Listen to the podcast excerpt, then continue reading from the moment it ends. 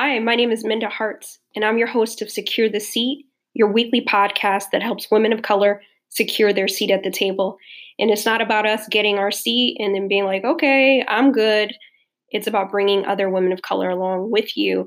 Welcome to the season finale of season three. I can't believe that we are in the end of the season. Uh, it's been such a great season. I hope you've enjoyed all of the guests that have brought their time and talent and heart to the episodes. If you missed last week's episode on the warning signs of a toxic work environment, so many of you have reached out and said that episode that episode gave you life uh, because you might be going through it right now or you've been through it, and there's a lot of PTSD that is sometimes associated with being in those toxic work environments. So shout out to my guest, Sarah Morgan, for just having such a great conversation. I felt like we were hanging out in the living room um, over cocktails, just talking about it. And it was such a great episode. And, and I just want to thank all my guests from this season to the past seasons. If you have not had a chance, do yourself a favor and binge, binge, binge. There's some really great information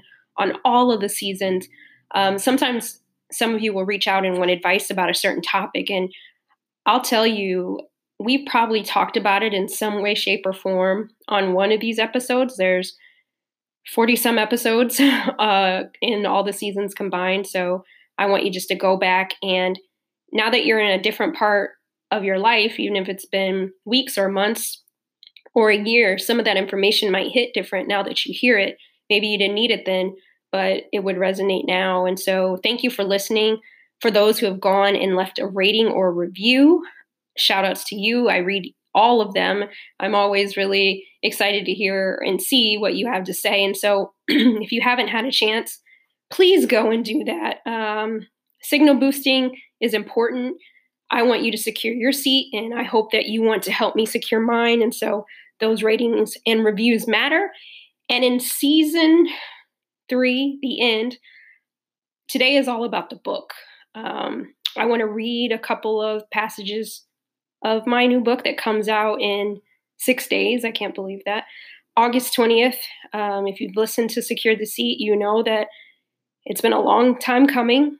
And I'm just so excited for you to hear and read some of my experiences, but those of others. But most importantly, I hope you can see yourself in the narrative because Dr. Martin Luther King said we must live in the monologue and not the dialogue. And there's so much rhetoric out there and so many statistics about women of color this and women of color that. And listen, I'm at the point of if you're not trying to accelerate our career process, then don't tell us what we already know.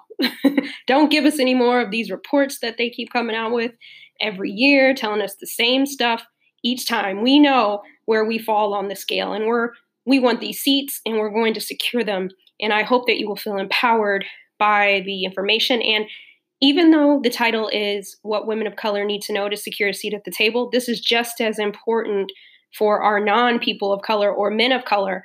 This information is really great. Some of the early reviews that have come in have said that this book is is great. It's great advice, just period, um, regardless of gender. And so um, I hope that you will support it. I'm asking each and every listener, if you are listening to me, which you must be, to please pre order your copy and tell a friend about it, tell a coworker, tell your company's ERG, order these books. When I got my book deal, we heard from different publishing houses that there was not a need for a book like this. There was no market. And when I was doing the proposal, there weren't many comp titles. You have to submit comp titles. And there weren't many that talked about women of color. They said that women of color don't sell a lot of business books. And so we don't really like to invest in that way. And so let's prove them wrong. Obviously, I did find a publisher that believes in the work that we do and about women of color and equity in the workplace, but let's signal boost this thing that if this book does well, then that means your book gets a deal. That means your book gets a deal. and but if they don't see that we're buying the, these books, then they're not going to give us deals. I mean, it, that's money talks. Um, so make sure that you purchase the book. The first week is so important. Um, that was pre-sale order, so you can go to wherever you like to buy your books, even if you go to the library and request it. Uh, but I'm asking you to not just support me, but support us. This is a book where we finally get to read about our experiences. And so I'm just so thrilled. I'm just so thrilled. August 20th, if you go to my website, mindaharts.com, you can join the virtual book tour. I'm going out on a 16 city book tour starting next week. And so that's why today has to be season finale because God knows uh, I'm going to need all my strength uh, to hit those cities. But I want to meet you on the road. So sign up for the virtual book club. Um, you also receive a link for the cities that I'm in. So hopefully we'll get a chance to meet while we're out on the road. And then lastly, I will do bonus episodes while we're in the interim of seasons. And so I will pop in every now and then and, and touch base and also do some like fun little segments along the way. So stay tuned for that. But the book is called The Memo What Women of Color Need to Know to Secure a Seat at the Table. And I started writing this book in 2017, and the whole process takes a long time. And so I had six months to write it. And um, I'll tell you, you don't feel vulnerable till you write a book. I mean, even if it's just your own personal diary, the vulnerability that you put into a book, I'm just like, oh, Lord. I just hope you all enjoy it and get something out of it. But I'm just going to read a, a few short things just to give you a taste. You've been rocking with me and I just want to um, give you a little sample uh, of what's what's to come. But in let's see what chapter. There's a chapter that I have in here called "No Money, Mo Problems," and I'm talking about negotiation. And so I'm just going to read a two paragraphs of that, and then read a paragraph or so of another chapter just to to hear your thoughts, so you know what you're getting yourself into. The section within uh, this chapter is called what does it take? Negotiating your needs and wants will require you to put on your big girl pants and own the ask. A nice transitional phrase might be I would like to discuss my compensation to bring it in alignment with the market value in your company city. This is also a good time to mention that you've been researching the current market value of similar positions in your field. Research, research, research. You don't want to go into a conversation without doing the research. This will help your case for support and open the dialogue. Not to mention, it will signal boost to your boss that you did not come to play. The main ingredients in any negotiation are research, strategy, and competence. You can't have one without the other two. I knew without a shadow of a doubt that I had the power during my last negotiation to ask for what I wanted. They could say no, but at least I made the ask. I already had a job, so if my old employer didn't want to come correct, it was no sweat off my brow. But the truth be told, just as much as they missed me, I missed them. But we both had to leave the relationship to value the other person. Negotiations don't always work out like mine, but each of us has the opportunity to advocate for ourselves. And if we don't, honey, no one else will. And let me be clear I wasn't showing up to these negotiations like Sasha Fierce. I was showing up more like Michelle Williams in their first year in Destiny's Child. Eventually, through practice and preparation, I found my voice and I was comfortable being Kelly Rowland. Never sleep on Kelly. So you can see that the I was actually talking about a negotiation that I did. I had one job, had an offer, gave it to them. They weren't able to rise to the occasion, so I left for another job, more pay, better title. And my former employer came back wanting me to come back to my role and so I put some numbers out there. I actually asked for quite a bit. Uh, and so that was to give you a little context of what that uh, section was about. It's really good. Uh, some tangible takeaways for you all to to work through. Another section is called Empire State of Mind. It's probably one of my favorite chapters uh, because it talks about the mindset uh, that we should have. Sometimes we can be our own worst enemy that day, oh, well, you know what? I'm not going to read that that part, but I am going to read from the Empire State of Mind. I don't want to give you all, the goods that you don't go buy the book, but I want to give you enough to, to, to whet your appetite. The day that Kanye West started talking about enslaved people having a choice to be oppressed for over 400 years, I was reminded that the mind is a terrible thing to waste. In addition, self deprecation is one of the most dangerous ways to deconstruct our mindset and self worth. And equally as dangerous as Kanye's so called free thinking against my ancestors is when we talk ourselves out of potential career opportunities or tell ourselves we aren't worthy and don't belong. If we think we don't deserve the best career or the highest salary, we will never obtain a career highlight reel we can reflect back on and smile. Winning requires us to toss out a piss poor mindset Self worth is another word for self esteem. If we don't put value on our own worth, then we leave it up to other people to define it for us. Do you remember the first time you heard Jay Z and Alicia Keys' song, Empire State of Mind, and how it made you feel? You went from zero to 100 real quick, and those lyrics made you feel like you could conquer the world. You could have been living in rural Mississippi and still felt like the world was yours. You didn't need to be in New York City. To thrive in the workplace as a woman of color, you need an empire state of mind, even when the environment will have you feeling like adopting an enemy state of mind. Okay. So, those are just a little bit of the memo. I'm just so excited, you all. Next week is a busy week for me. I have my book launch on the 20th. Next week, I will be on NPR and on a couple of one or two morning shows. So, I want you to stay tuned for that. I let's see what else. Yeah, I, I just I can't believe we're here. I have so many emotions. I'm also doing a TEDx talk next week, as if I didn't add uh, too much on my plate. Pray for me, y'all. Pray for me. Um, but again, I just more so wanted to touch base with you. It's been a great season. And you all have made it great too because you've been engaging with me online and Many of you hit me up on LinkedIn and Twitter.